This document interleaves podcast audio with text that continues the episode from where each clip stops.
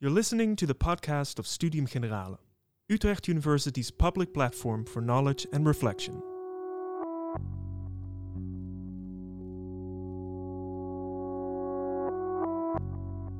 The Earth existed for billions of years before humankind came along, an astonishing amount of time that is almost impossible for us to grasp. Geologist João Trabucho Alexandre dares us to take on a humble view. How has non human history shaped the world as we know it today? Can thinking about deep time help us envision a far and sustainable future? So uh, let's uh, get uh, right to it uh, with the key question, I think, of the whole series, which is what is time? What do you think? You can shout. Entropy increase. Okay, there you go. We have a physicist in the room. Anyone else? Something we made up. Yeah? Well, we go into the philosophy. Time is, time is what you measure with the clock. Time is what you measure with the clock, an illusion. Okay, so I would say, maybe I will please also the physicist, I would say that time is a dimension. Right? And a dimension is something, is a direction you can go in. And we're all familiar with three dimensions in our daily lives. The world around us is three dimensional. There's, um, you can add axes, perhaps if you remember from school, there's X, Y, and Z. And, um, and they're perpendicular to each other. Um, and those are the three dimensions. And according to Einstein, time is the fourth dimension. Um, and how that gets to be perpendicular to the other three, that's something that I never understood. Uh, but that's okay because I became a geologist. And um, what geologists did is we grabbed the X, Y, and Z and we turned it upside down, and Z goes down into the earth and is the axis that measures both the thickness of the rock layers as well as time.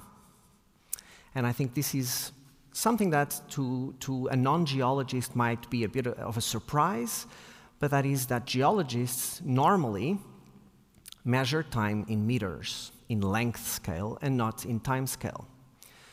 Um, in fact, I will try to show you today that um, in the 19th century, 18th and 19th century, and even in the early 20th century, uh, we didn't really have good techniques to measure time in absolute terms, in years, and uh, we already had a pretty good grip on geological time.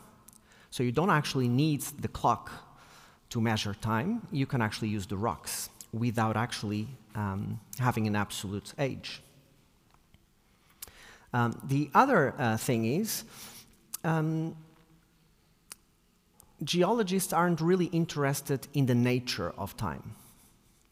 Uh, to us, we, we don't really ask the philosophical question. Uh, time isn't very important, actually, surprisingly. Um, the thing that's very important for geologists is, and this has been a sort of um, epiphany in the 19th century, um, and, and it's a sort of a, a threshold concept for uh, young students of geology, is, um, is the idea or the concept that with enough time, something that is um, very slow can lead to huge um, outcomes. Okay? And the other thing that's very important that you should learn as a geologist is that given time, the rare becomes probable, and given enough time, it becomes a certainty. And this is really what's important for a geologist in terms of time. Um, this is a cartoon of Stephen Jay Gould, who you perhaps know. He's a very famous writer of uh, science. Uh, he was um, particularly focused on biology and geology, natural sciences. And uh, in his book, Time's Arrow, Time's Cycle, he described and he explained two uh, metaphors for time. The first metaphor is time as an arrow.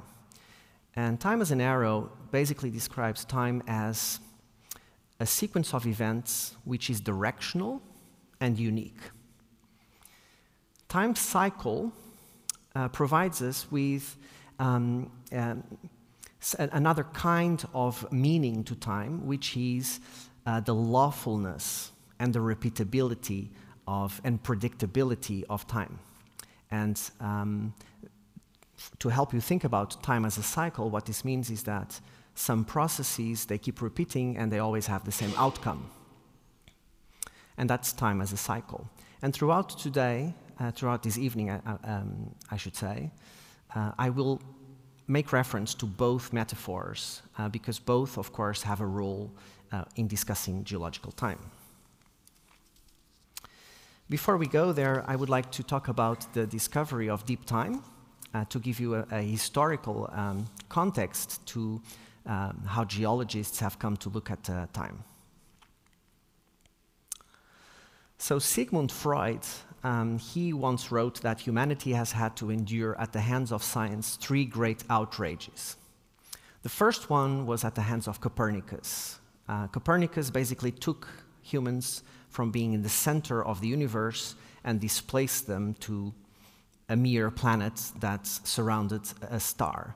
And eventually, later on with Hubble, it turned out that that star was also not in the center of the universe, but just one in a multitude of stars, and that just greatly, vastly expanded the, the space scale of, um, of the universe and reduced humans to just a tiny speck or a pale blue dot in that uh, vast space.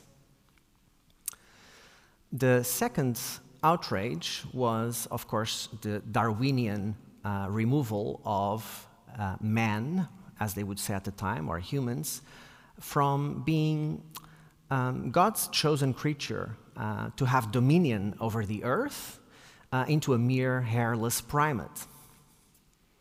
And the third one is illustrated uh, on my slide with Oedipus, uh, is Freud's own uh, which further removed uh, humans from being this sort of uh, supreme being, this special being, uh, by questioning uh, our rational nature. Um, in the 1980s, Stephen Jay Gould, again, in the same book, um, he mentioned that Freud forgot a fourth great outrage, which was actually the second, chronologically speaking. And that was the outrage of deep time. And just like Copernicus had vastly expanded the space scale where uh, humans uh, had to be found, um, geologists, and we will see there is not just one geologist that we can really name, but we will, uh, we will come to it. Perhaps uh, we can settle on Hutton, which is a traditional hero of deep time in geology. Um, what geologists in the 18th and 19th century did was they vastly expanded not the space scale like Copernicus did, but the time scale of um, history of the Earth. And in doing so, humans who before um, had basically um, um witnessed the whole of Earth history, except perhaps the first very brief uh, creative prelude of five days, but everything other than that Adam and Eve had witnessed and everyone after them. Now, suddenly, they were confined to this sort of final scene in a much longer drama, uh, which was Earth history. And that was, um, according to Stephen Jay Gould, the fourth great outrage. So, as I mentioned, the concept of deep time dates back to the 18th century. And uh, on the right uh, is Hutton, who was a, a, a, ge- a geologist from the Scottish Enlightenment um, friends with uh, Benjamin Franklin and Adam Smith and all those uh, very famous uh, um, gentlemen uh, from the 19th century. Um, he's the traditional hero of deep time in geology. Um, on the left, however, is Count Buffon, Georges Leclerc, uh, who actually, at the same time, as well as other people who were involved in uh, studying rocks at the time, together, they actually realized that what they, see, what they could see in the field, uh, the processes and the slowness of the processes, as well as the vast thicknesses of the products of those processes in the ancient, required much more time um, than they were afforded by um, the knowledge at the time. And um, at the time, uh, um, um, James Ussher, who was archbishop, uh, an archbishop of the Church of Ireland, he was um, a scholar. Um, afterward, he was quite mocked because he used the Old Testament to do this, but he was quite a feat at the time. He went all the way back um, and he established uh, that the earth had been uh, formed um, on the eve of uh, the 22nd of October, 4004 uh, before our common era. And so that meant that the Earth was about, at the time of uh, Hutton, the Earth was about 5,700 something uh, years old. And um, Hutton, he, um, um, he, he, there's this story in geology that all first year students, I think, in geology learn, which is at this particular spot. This is in southeast Scotland, and it's, uh, it's a cape. You cannot see it from this perspective. Um, and it's called Siccar Point. And the, the traditional myth um, is that Hutton was at Siccar Point looking at this uh, outcrop, like we're looking at the picture now, and he just had this epiphany and he saw, he stared into the abyss of time, as, uh, as it's often uh, told.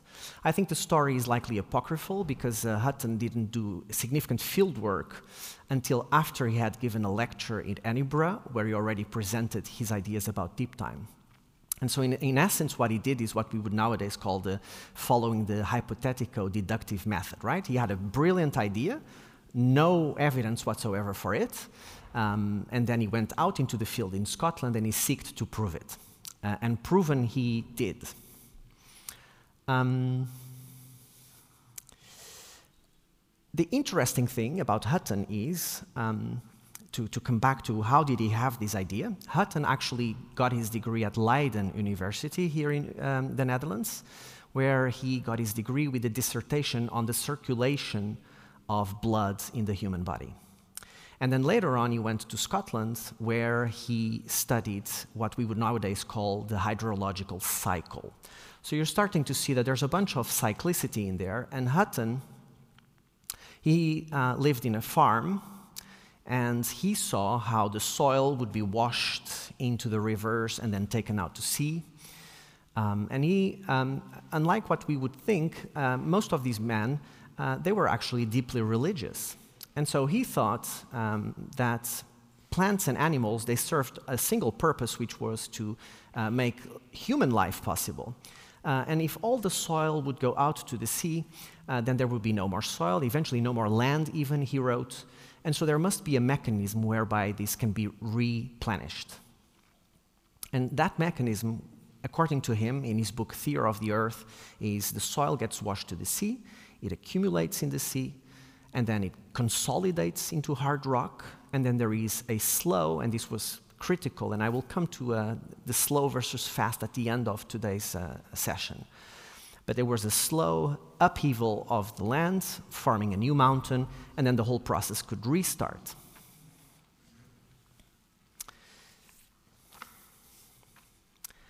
And um, the interesting thing is, Hutton did not foresee time as an arrow. Hutton thought that the earth was a place of perpetual change with no direction. And as we will see, there were other geologists in, later on in the 19th century who followed the Huttonian theory, and they were in fact convinced uh, that dinosaurs would return. So they thought that just the, the whole Earth was following this big cycle, which was in essence very, very similar to um, uh, the scriptures with a return to paradise at the end of the um, great year. Early attempts to try to um, understand the rock records um, into an account of Earth history focused on uh, the succession of the rock layers, of the strata. Uh, and geologists were convinced that certain rock types had been formed at certain times in Earth's past. Uh, and this is a, uh, a cross section uh, through the Apennines, and the arrow at the top, just at the top of the mounts in the middle, points northward. And then from left to right, we see granites and uh, gneisses and other crystalline rocks, rocks that are formed, consist of crystals that are interlocking.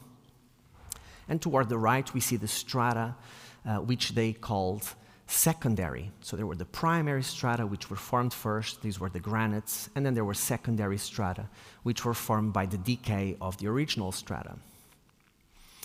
And um, Hutton, one of the biggest contributions of Hutton was to show that granites could not be older than the secondary strata.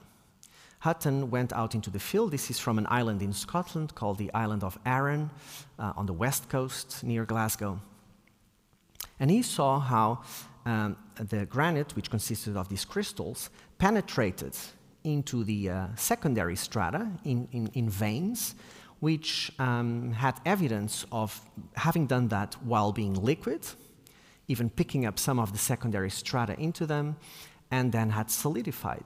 And so Dar- uh, Hutton uh, realized that um, these rocks, which were very old, they were actually younger than the secondary strata.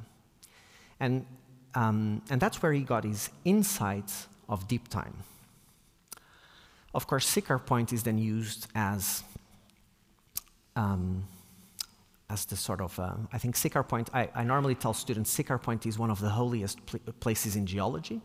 And so it got its role, uh, um, just like every city and every religion worth practicing needs to have its etiological myths well, so does any science worth practicing. So, uh, so I will indulge.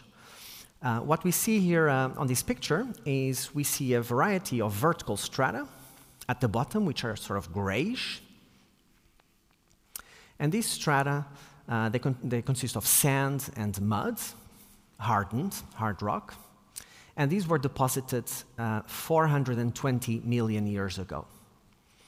And uh, the fossils they, they'll contain they contain are fossils that we would position in something we call geologists the Silurian. And I will come to this later on.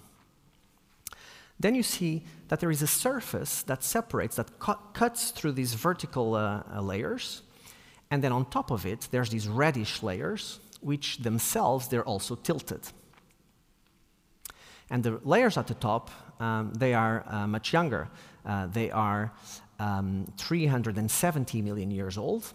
Uh, and um, they do not contain fossils, but we can date them relatively by their geometrical position to other uh, rocks uh, as being uh, Devonian, and we call them the Old Red Sandstone. And Hutton's great insight in looking at this was that the rocks that are vertically lying he saw that they were marine rocks formed at the bottom of an ocean.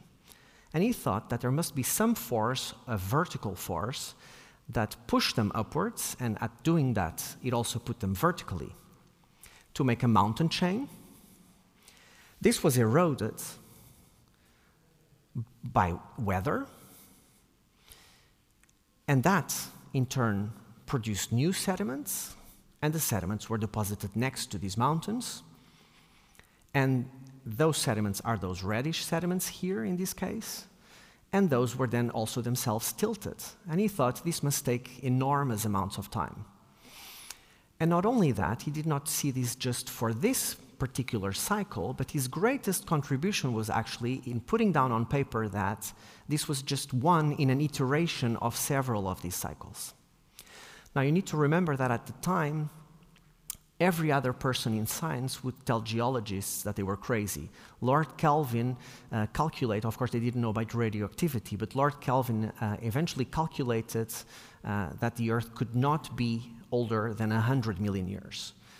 And for Hutton, as was true for Darwin, this was unacceptable because they could see that they needed more time. So, very often uh, you see on a, uh, what's the name of that show? Uh, the Big Bang Theory, physicists giving grief to geologists but actually geologists got time uh, right earlier than, um, than physicists.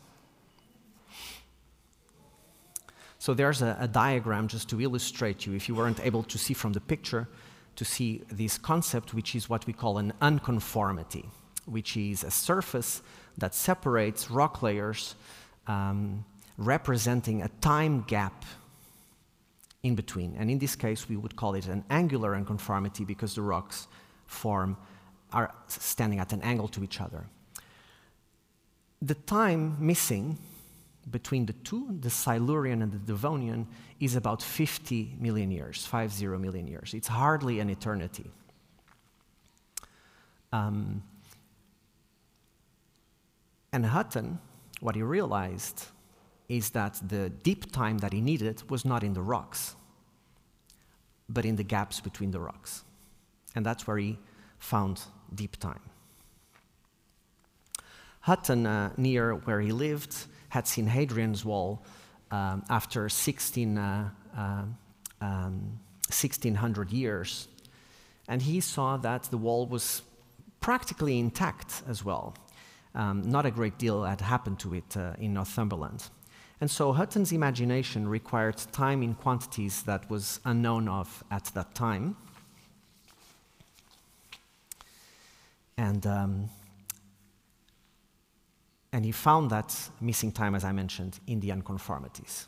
Stephen Jay Gould would later say that unconformities are palpable proof that the earth does not decline but once into ruin. Instead, by following decay with uplift, time cycles the products of erosion in a series that shows, in Hutton's most famous words, no vestige of a beginning, no prospect of an end. Um, Hutton's best friend at the time was John Playfair, uh, who also wrote about uh, Hutton's work. Uh, he would later uh, describe uh, the experience of being with Hutton later on in the field at Siccar Point as extraordinary and he wrote in his own book The mind seemed to grow giddy by looking so far into the abyss of time. So, how much time is deep time? So far, I've been mentioning 470, 350. I'm talking about 50 million years as being hardly an eternity. How much time is deep time, actually? So, deep time. Why is it called deep time? It was actually coined not by a geologist, but by John McPhee, who's a, uh, creative writer at Princeton University. And he wrote um, a series of articles about geologists in the New Yorker magazine. And the first one came out in 1980 called Basin and Range.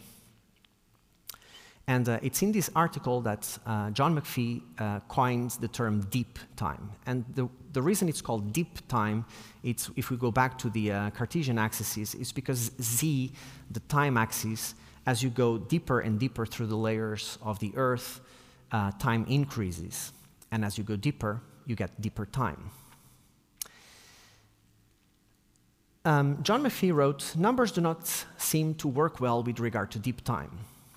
Any number above a couple of thousand years, 50,000, 50 million, will with nearly equal effect awe the imagination to the point of paralysis. A good way of thinking about this is to th- consider that most people find it very, very difficult to understand the difference between a millionaire and a billionaire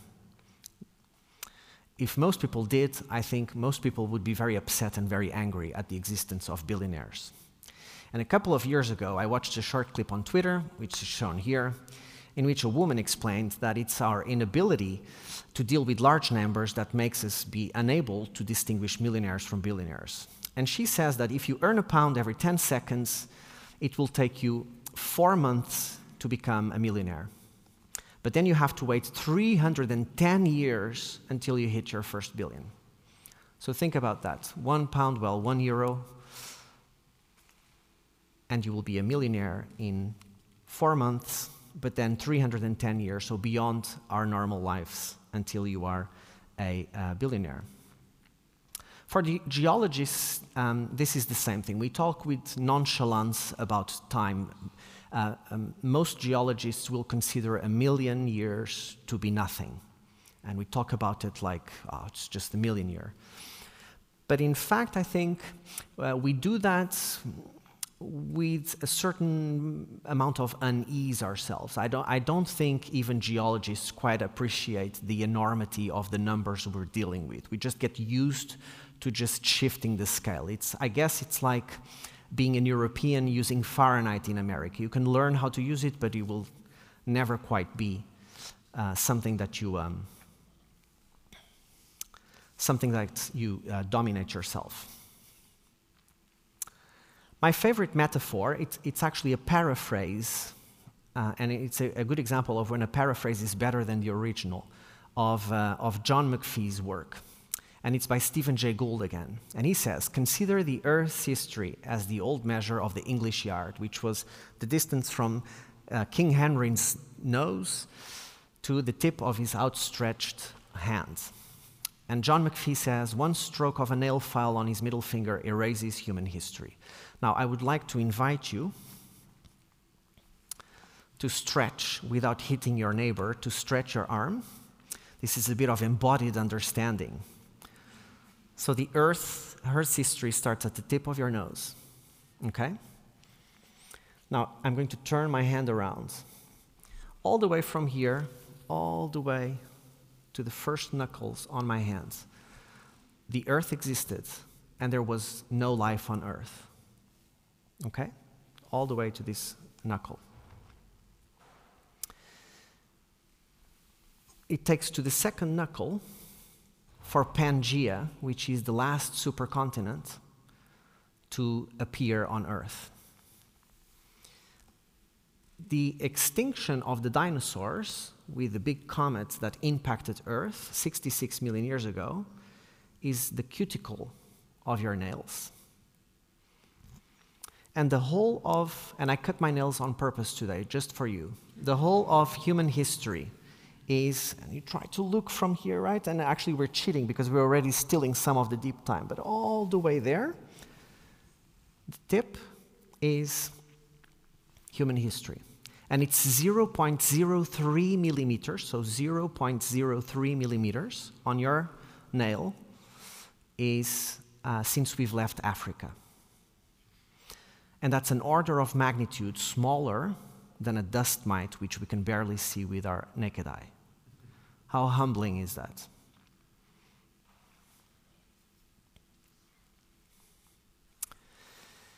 The um, 6,000 year Earth, or young Earth as it's often called, was an almost holy human Earth.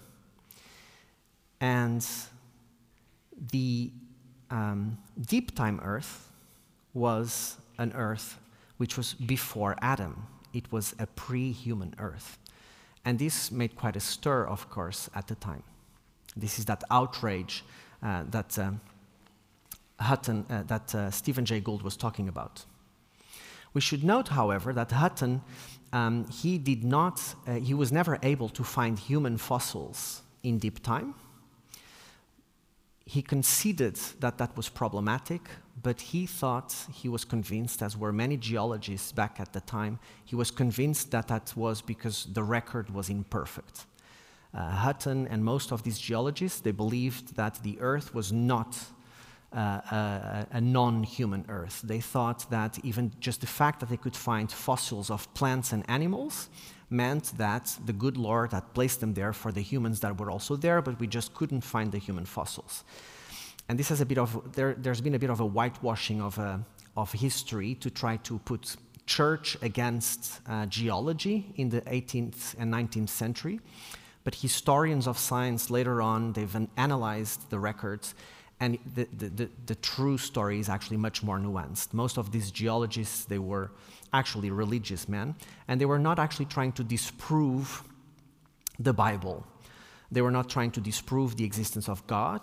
The only thing they wanted was two things more time, uh, and therefore a non literal interpretation of the scriptures, and they, what they really wanted that distinguished them, that, that really represented a break with the past, is they did not want any supernatural forces to explain the phenomena. They wanted to be able to explain natural phenomena and Earth history just using things um, that they could see in action at present.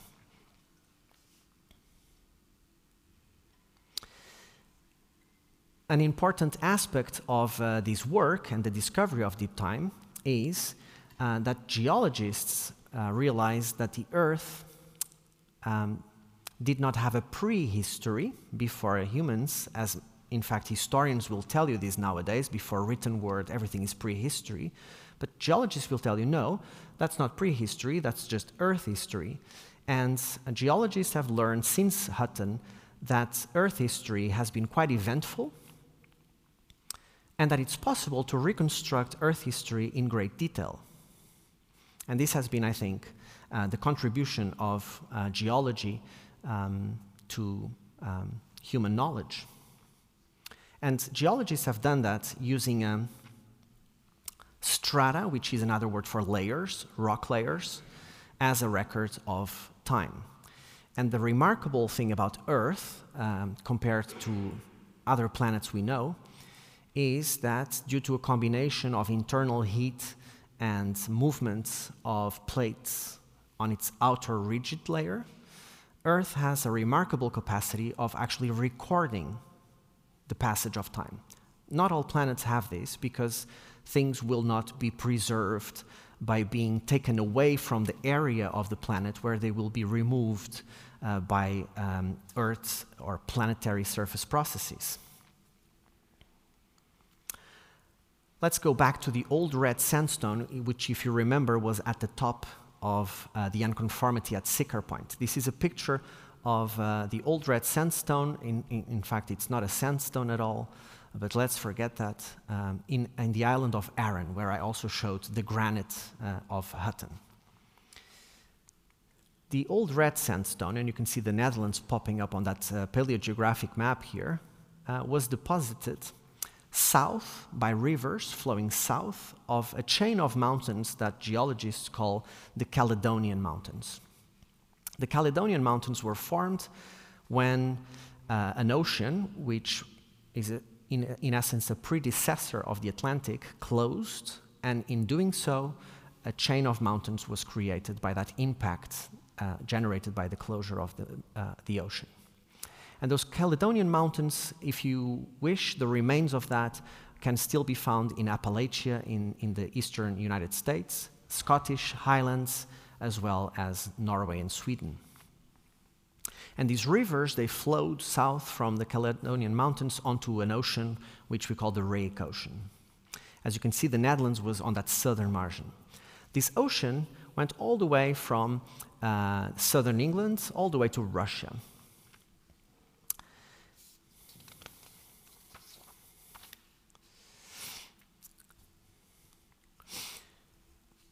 And this led to quite a big problem. Geologists working in the southern area of England called Devon, uh, where you have the city of uh, Exeter um, and uh, uh, Torquay, in that area, geologists found a rock that contained corals, which you can see on this picture, that they had never found before.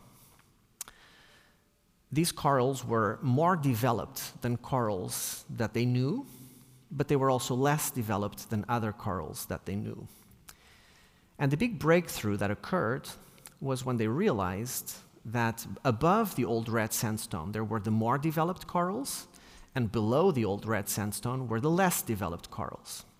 And this was quite a big breakthrough at the time because what they realized was that, unlike what they had thought, and that is namely that at certain moments in the history of Earth there was one rock type being formed, they realized that different places on Earth, of course, now it seems obvious for us, depending on the environments uh, that are present in those places, have different rocks being formed with different fossils.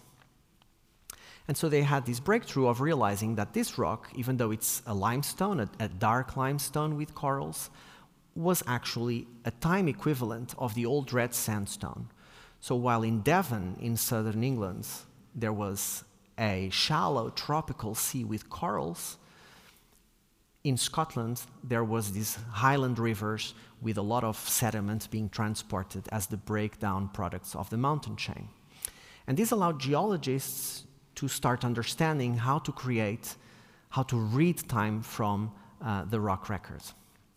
And so these old ideas uh, that rock strata were global in nature and recorded the same events worldwide, they were abandoned, and uh, geologists realized that they could work towards building what we now call a time scale by correlating, which is the word we would use to establishing the relationships through time and space of all these rocks.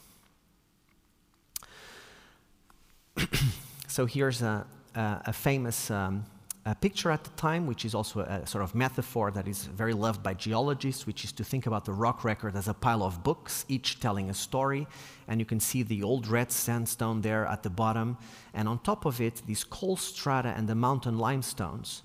Geologists in England, of course, it didn't take them long to see that if they came to South Limburg, they would see exactly the same coal, and in the Ruhr, and if they went to the United States, they would find it as well. And so they could correlate some of these uh, rocks and use the fossils, and then they grouped those into the Carboniferous. In England, they had this rock layer at the top, which is called the New Red Sandstone. And then they looked to the Netherlands and to Germany, and they realized that here there were two sandstones with a limestone, a quite typical limestone in between, which is found in the Netherlands at uh, Winterswijk. It's one of the few outcrops of rock that we have in our country. And so they realized that some things they were similar across regions like Europe, and others were not, and they started to be able to correlate and to link this. And in this way, based on fossils, based on a directional history of Earth, so now they were moving to time as an arrow, they were able to construct the geological timescale. Here's the first geological map of a country, actually two countries, um, uh, England and Wales, and it was produced by a, a, canal surveyor called William Smith. He's also the, uh, the first person who, who, used the word stratigraphy to talk about what he was doing. He called this uh, layer strata. And uh, William Smith's main uh, theoretical contribution, his, his, his, his, contribution to geology, and what actually made mapping, geo geological mapping possible, was the recognition that the fossil record was very reliable and namely the order of the assemblages. So he realized that it's not just the one fossil that you need to use, but you study the assemblage of fossils that occur in a layer, and they will invariably always be in the same order, even if the rock type is different. And in doing this, he, it actually made him bankrupt, and he ended, as, as many of these uh, uh, scientists at the time, he spent all his money trying to produce this map, uh, and he actually never was acknowledged in his life uh, for it. And if you're ever in London, you can go to Piccadilly, and at the Geological Society of London, behind the curtain, you can actually see the actual handmade map, and it's a thing of beauty. And this represented a big breakthrough because um, uh, geologists were realizing that they could map the formations of rock, correlate them, and in this way, by combining the topography with the order of the rock layers, they could actually build a 3D picture of the rocks also in the subsurface.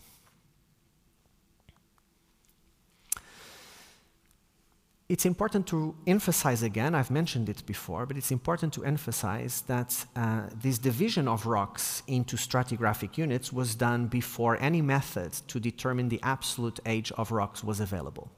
Radioactivity was only discovered much later, and it took some time after that until Arthur Holmes, who was a young PhD student in London, realized that you could use the isotopes um, of uranium um, to determine the absolute date of rock layers. Now, the problem was also additional, and that is that, as Hutton mentioned already in the 18th century, most of these rocks, which are, are sedimentary, as we call them, they are the breakdown products from mountains, they have grains from a variety of origins, and so you cannot really measure anything. You cannot measure the time when it was formed. You would measure the time when the grains were formed, but the grains are much older than the rock that contains them.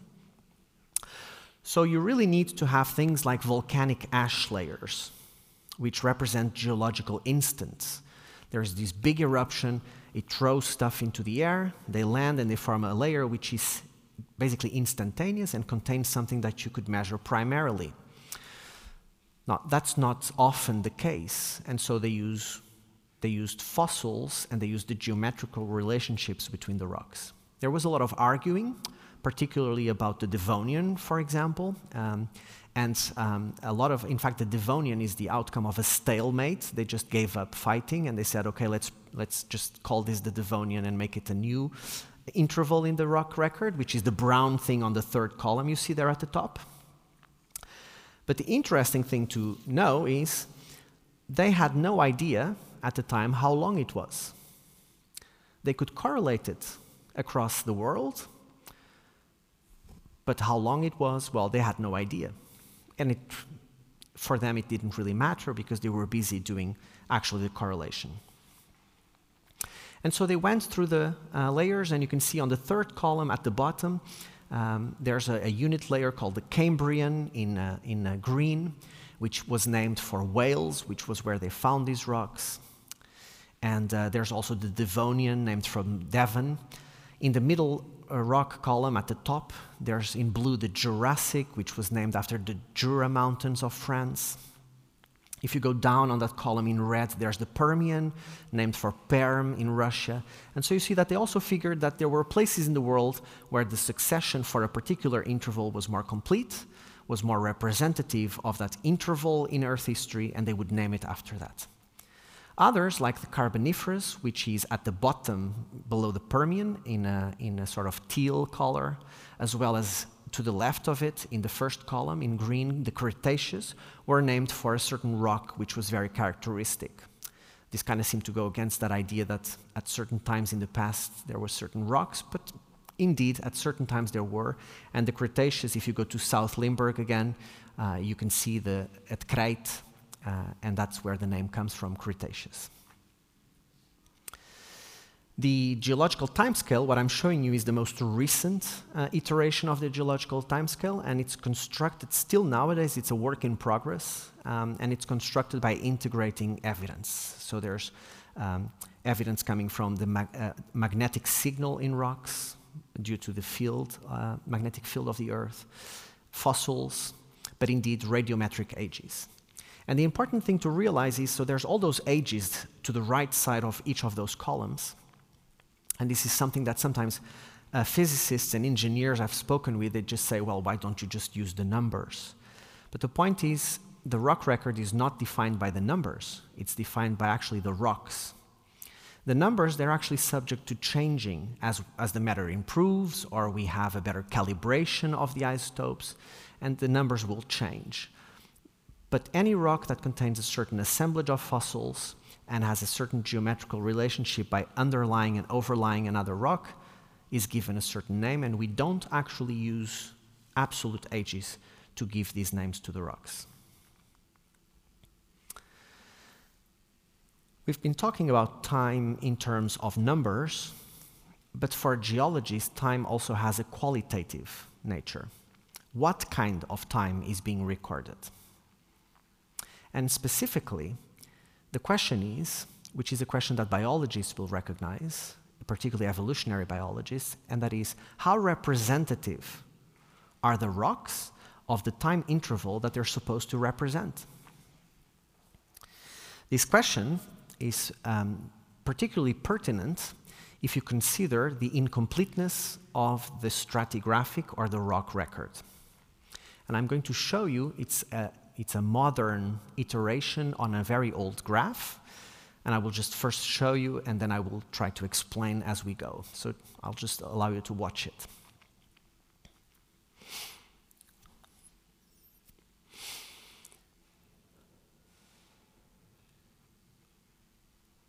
So the top bar shows in blue intervals where sediment is being deposited red, intervals in which sediment is being removed, and in gray, actual sediments that have been removed. So you can see, for example, that there's an interval that just consists of red and gray. That means that that interval in time, which is the x-axis, is time in years. In this particular numerical experiment, that particular interval is all gone. We have no record of it. There was record, but it's gone. Where is the record? That's the bar on the right. And you can see it. It goes up and now down and up, up, up, up, down, down, down, up, up, up. So you're seeing that sediment accumulates and it's a little bit eroded and accumulates a little bit eroded, and sometimes it's just more eroded. The wiggly line represents sea level. This is a particular experiment, numerical experiment for sea level fluctuations, and this is what would happen at the coast uh, with the stratigraphic record that accumulates, and you'll see that it accumulates when it's rising the curve of the sea, and it's eroded when the sea is dropping. Now, the important thing to retain from this is the following 60% of the time, the rock is accumulating, or the sediment, 40% of the time is being removed, but the upshot of this is that only 20% is actually preserved. And so the rock record, in a lot of places, is actually rather incomplete.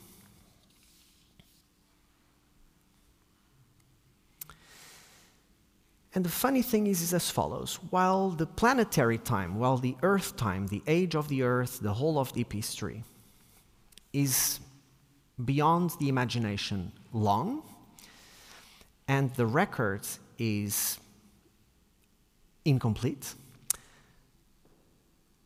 what we find in the record when we look at it and we, we interpret it in terms of processes, what we end up finding is something which is very banal, very ordinary, this has been called by some stratigraphers as the strange ordinariness of the stratigraphic record. This picture is actually a collection of uh, peels, uh, and these are produced by gluing uh, the surface of the sediment and then putting some uh, uh, gauze on top of it and then removing it. Shows a complete cross section of a bar of sediment which was exposed during the um, uh, delta works. This is the bar of Neeltje And what you see here are layers which are inclined from right to left. And the little dark layers, they're the clay layers, the fine grained layers, and the beige, the yellowish beige layers, they're the sandy layers. And you can see that the thickness increases and decreases and increases and decreases. And what you're seeing there are fluctuations in the current velocity in the tidal channel. You're actually seeing each layer there representing six hours. And the fluctuations in thickness, these are the fluctuations due to the spring and neap tides. And so you're looking at biweekly things. And you can see this type of thing everywhere in the rock record. And they're supposed to represent, according to the fossils, much longer time intervals. And yet, we see windows, slivers of preservation of a few hours here and there. And so the question is okay, so the rock record is incomplete, but it shows us just the daily processes. Well, the alternative view on this matter is a more um, catastrophistic, if you want, view of the matter. And that is to say, well, the rock record is so incomplete that it takes something phenomenally spectacular, like Hurricane Katrina shown here, to generate accumulation of sediments. Of course, Katrina will erode sediment somewhere, but it will erode so much sediment that it will be transported somewhere else and be deposited there. This view was championed by a geologist in the 1970s called Derek Ager, who said that the stratigraphic record, like the life of a soldier, is dominated by long periods of boredom, alternating with short periods of terror. And this is a picture from the trench war from World War I, which you probably never thought about World War I like this. You always think about the terror. But actually, most of World War I was bored soldiers cold and wet and just trying to spend their time uh, in the trenches doing whatever they could do. And Derek Ager thought that the rock record, the stratigraphic record, would be like this. We're actually looking at slivers of the terror, and the daily stuff goes unnoticed because it's largely being eroded. This is actually inherited from the early days of geology, uh, and it's a long standing debate on whether the processes that we observe at present, in their present intensity, are actually responsible for everything we can see in the rock record, or whether catastrophes or revolutions, as geologists call them at the time of Hutton, are responsible for a significant part of the rock record. I think the answer is both. But what you can see also here is a cultural aspect in science, and that is namely that from the 70s, where you also had a lot of catastrophe movies. There's, there was the Poseidon's Adventure and Earthquake and all those films. People were more primed to this, and this is the time where the brothers, Al, or, sorry, uh, uh, Alvarez, I think it's father and son, they discovered the comets that hit the Earth, and there was much more sort of propensity in geology to abandon uh, these sort of slow processes acting for very long but also consider short processes that induce a great terror on Earth and produce something in the rock record. And why is this important? It seems like an academic discussion. And this is Lyell, by the way, which is the champion of uniformitarianism, which is the doctrine that slow change over very long time intervals will lead to great change. I think this is particularly relevant now in the Anthropocene. Um, so I was trained to be a uniformitarian, as I think most geologists will. Uh, geologists, they, they, they are very careful with catastrophes because before you know it, we're going to be talking about Noah's flood. Um, and so there's a sort of allergy that we have to catastrophes. But the problem is, if we truly believe that there is nothing we can do that will change the earth, if only very slow change over very long will produce some change, then what do we make of the Anthropocene? And if we look at the data, we can see that even though we are 0.03 millimeters, we're just a tiny final scene in the history of this planet, we have produced gigantic uh, effects on our planet in the short period. In fact, it's much worse than that because the 0.03 millimeters is since we left Africa, whereas most of what you're seeing there is since, actually since 2000 and, um, yeah, 2000, probably, since Al Gore, in fact. Al Gore warned us and then we decided let's make it worse. I think the lesson from deep time should therefore not be that only slow change over very long periods of time can produce something. The lesson should be that uh, short periods of terror are also possible. And I'm afraid to say that we are the short period of terror at the moment, producing great um, effects on our planet. The average uh, species, uh, invertebrate species, goes for about 10 million years. The average mammal goes for a million. And we should really consider that we are not going to be on Earth forever. Maybe there will be a new Homo, something else, not sapiens. Or maybe we will just go extinct and some other animal will become the dominant species on Earth. But it's very clear to any geologist that there will be a day after human life on Earth. And the, to me, the Anthropocene, what it means is that we should realize that we are the last species to arrive on Earth. Earth is not ours. In fact, despite all those outrages, we refuse to acknowledge that we are not the owners of the planet. And it forces us to reconcile ourselves with what is going to be the day after. What will it look like? What we will leave in the rock record? I thank you for your attention.